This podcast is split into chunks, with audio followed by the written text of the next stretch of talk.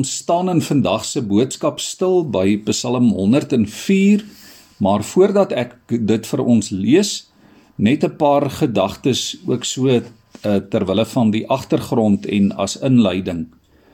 Daar is onlangs 'n studie gedoen oor die geloofs-oortuigings van jong studente.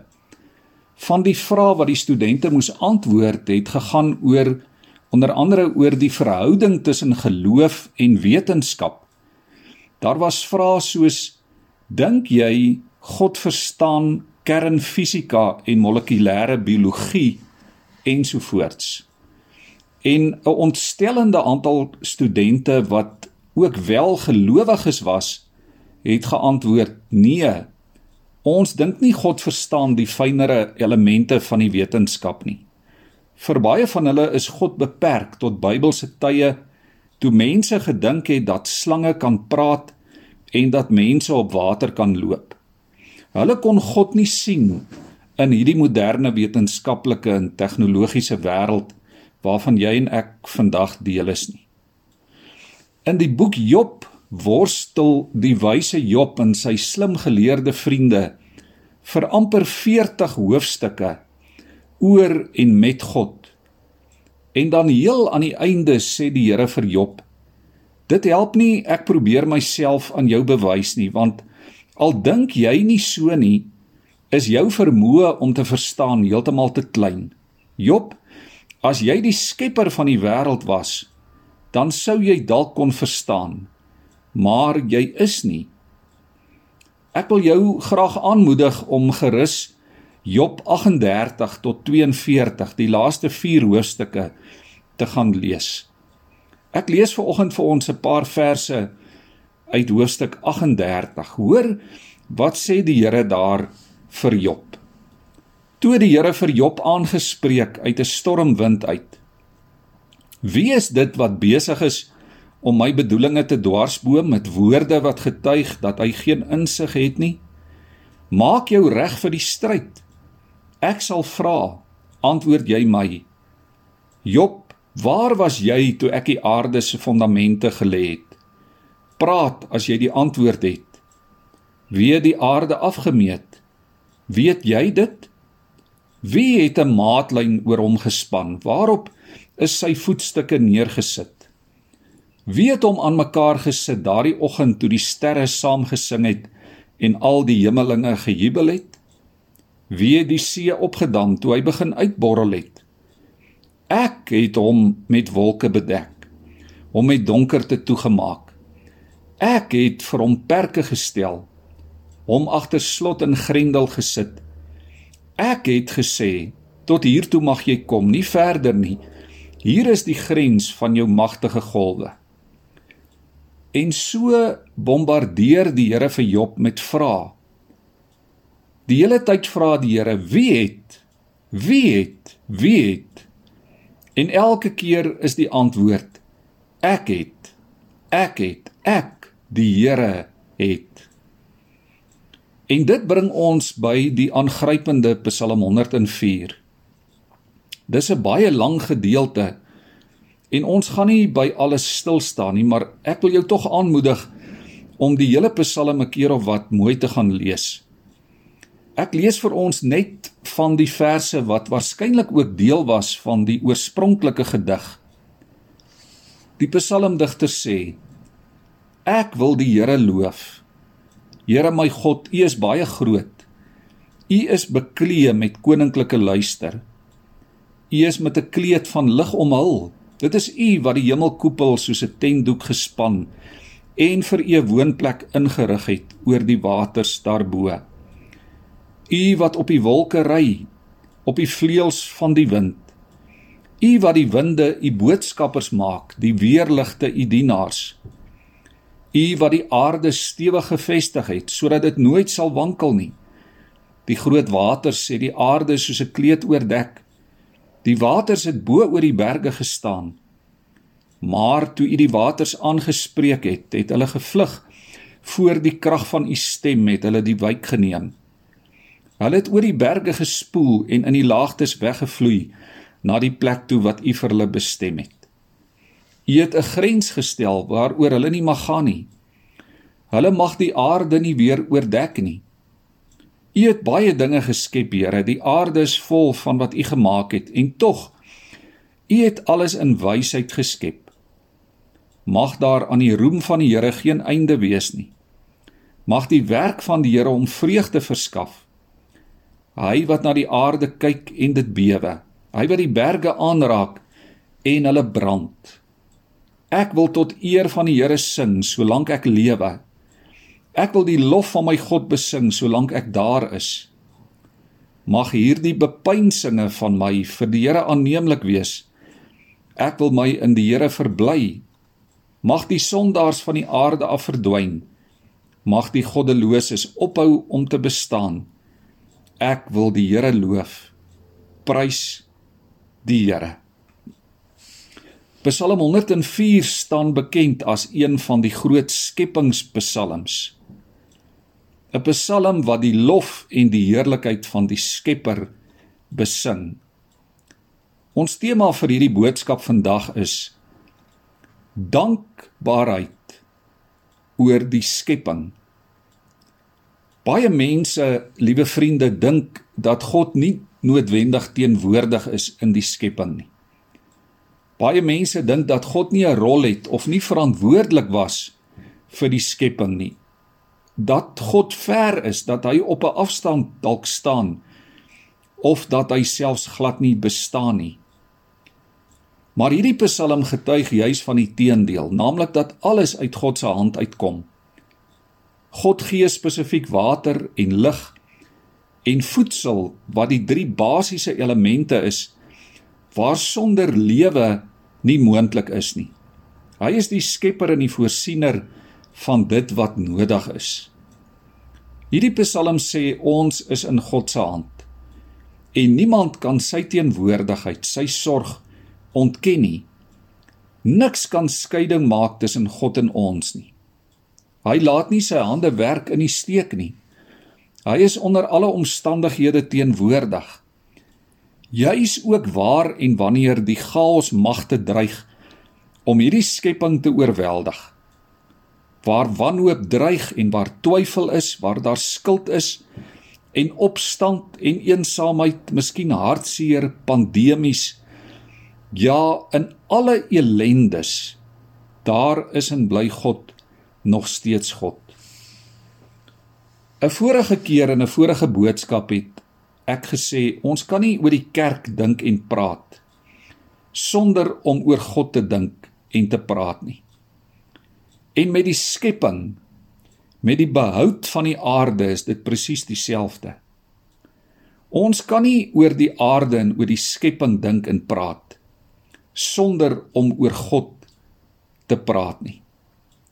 Dikwels is dit juis in die chaos, ook in die chaos op hierdie aarde, dat ons God se teenwoordigheid ontdek en raak sien. Dis dikwels juis in die chaos waar die Here ons op 'n unieke manier wil ontmoet. Gaan lees gerus weer die skepingsverhale daar in Genesis. Gaan lees weer die verhaal van die disippels een donker storm nag op die oop see toe die chaos magte rondom hulle losbreek en Jesus na hulle, hulle toe kom en vir hulle vrede en rus kom gee.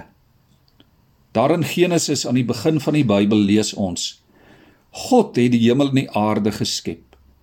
Die aarde was heeltemal onbewoonbaar. Dit was woes en leeg. Dit was donker op die diep waters maar die gees van God het oor die waters gesweef. Toe het God gesê: "Laat daar lig wees."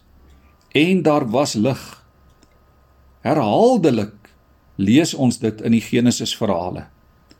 God het gesê en daar was en dit was goed. Die res van die verhaal ken ons ongelukkig vandag ook goed hoe die mens ongehoorsaam was aan sy skepingsopdrag. En watter chaos, watter gemors dit veroorsaak het. Maar God is en bly wie en wat hy is. Hy bly God en hy bly teenwoordig. Hy is baie groter as die foute wat jy en ek maak. En hy sal môre en oormôre steeds voorsien.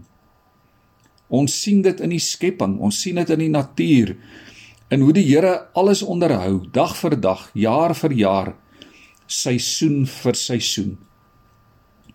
Dit is nie God wat ontrou is nie. Dis nie God wat foute maak nie. Die psalmdigter het dit ook besef. Hy sien dit in die wêreld rondom hom raak en daarom sê hy ook aan die einde van sy psalm in vers 35 mag die sondaars van die aarde af verdwyn mag die goddeloses ophou om te bestaan dit is ook baie dikwels ons versigtiging as ons kyk na al die chaos magte in hierdie wêreld rondom ons as ons kyk en dink oor dit wat rondom ons in hierdie wêreld verkeerd is dan bid ons baie keer dis ons versigtiging dat God 'n einde sal bring aan menslike dwaasheid. As ons oor dit alles dink, dan moet ons ook vra, maar wie is hierdie God van die skepping? Hy is groot en magtig. Hy is die God van wonders. Hy voorsien. Hy kan ons huise en gemeenskappe, ons samelewings wat woes en onbewoonbaar is, kan hy verander, dit leefbaar en bewoonbaar maak. Hy is die God van lewe en van hoop. Die vraag is in watter mate erken ons hom as God? Daar is net een antwoord vir die chaos waarin die aarde haarself bevind. En daardie antwoord is God en 'n lewe in afhanklikheid voor God. Ek is heeltemal oortuig dat daar net een manier is om die aarde te red. En dit is in gehoorsaamheid aan God, die skepper van die aarde. Ons kan miljoene rande en dollars en euro spandeer aan volhoubare ontwikkeling, aan mediese sorg, aan maatskaplike dienste, aan wetenskap, aan tegnologie, aan behuising. Maar as ons die God van die skepping nie ken nie, as ons sy wil nie gehoorsaam nie. As ons hom nie dien nie. As ons sy orde nie respekteer nie. As die mens nie ophou homself God te probeer wees nie. Dan oorweldig die chaos ons. Dan oorweldig korrupsie ons en magsbeheptheid, materialisme, besoedeling, selfsug en is ons binne die volgende 50 jaar by die punt van selfvernietiging deur ons eie keuses en ons eie foute. Liewe vriende, niks wat mense uitdink kan God se skepingsvermoë oorskry nie. Dit is presies wat Job ontdek en bely het. Dit is wat die psalmdigter ontdek en bely het. Dit is wat gelowiges in 'n verhouding met God deur die eeue ontdek en bely het. Dit is wat Jesus ook geleer het toe hy gesê het geseend en gelukkig vervuld is die wat weet hoe afhanklik hulle van God is.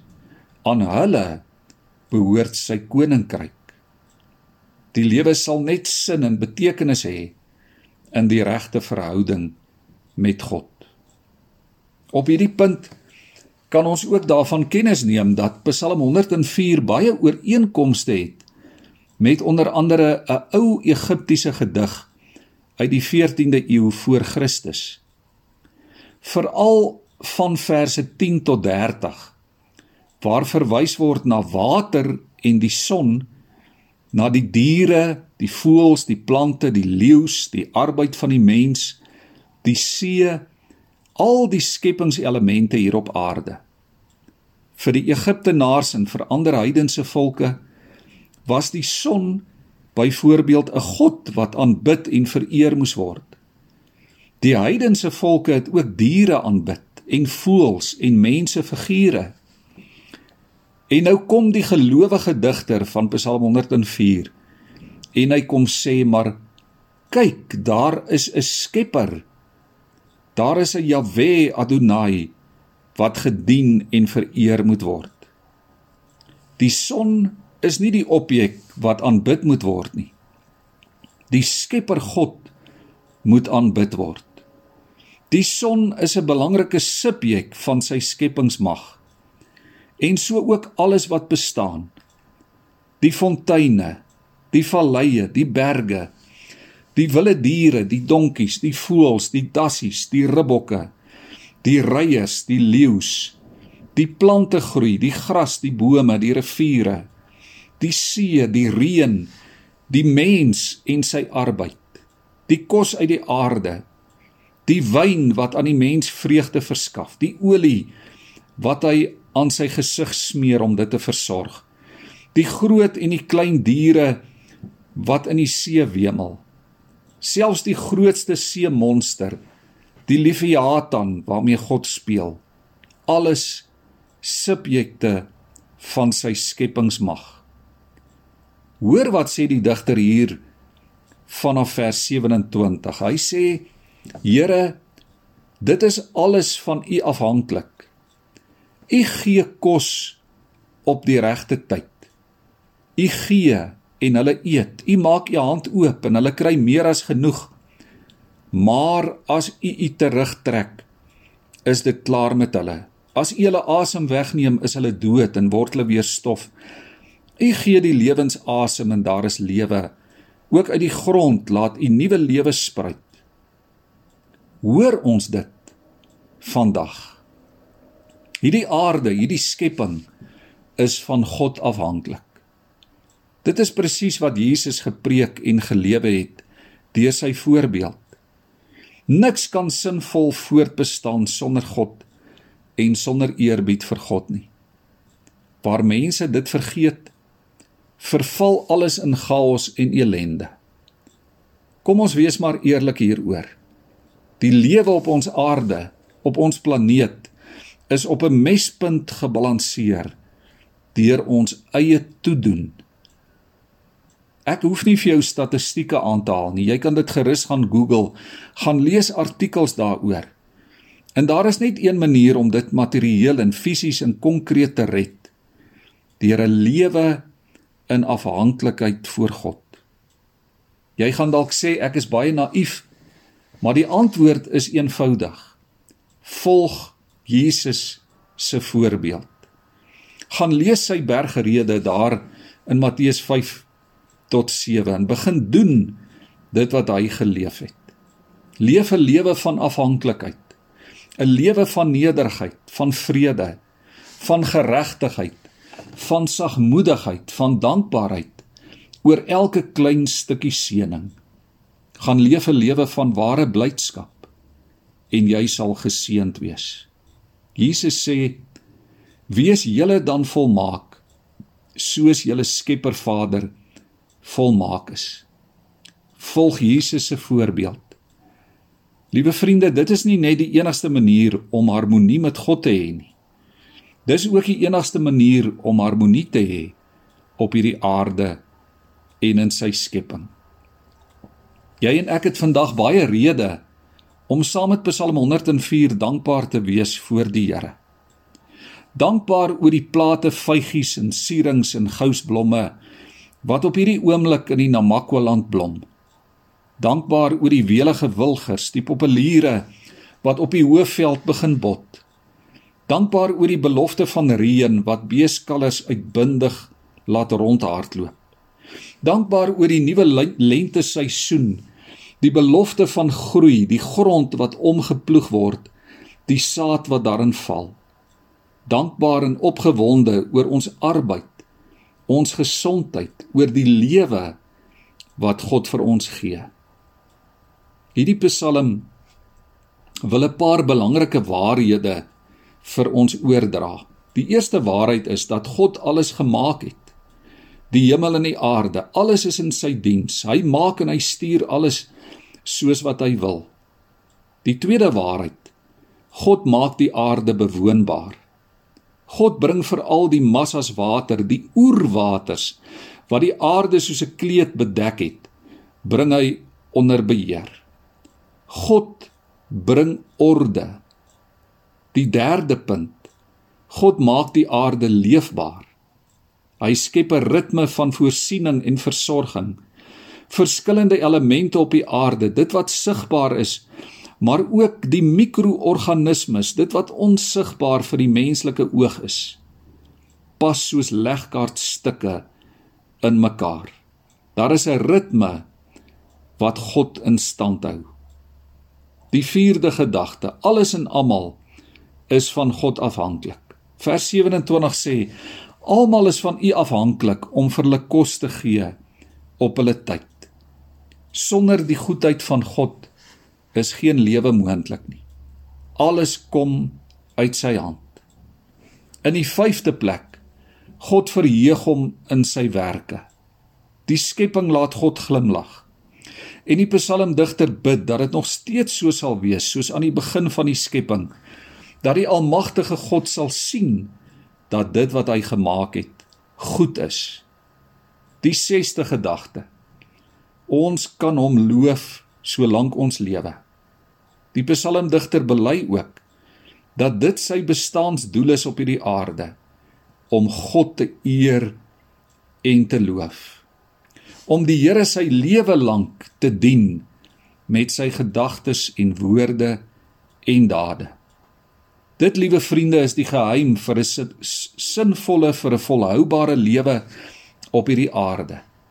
Dat die eer van God jou en my eerste en enigste prioriteit sal wees in ons verhouding met mekaar, met die skepping en met die hulpbronne waarmee God vir ons vertrou.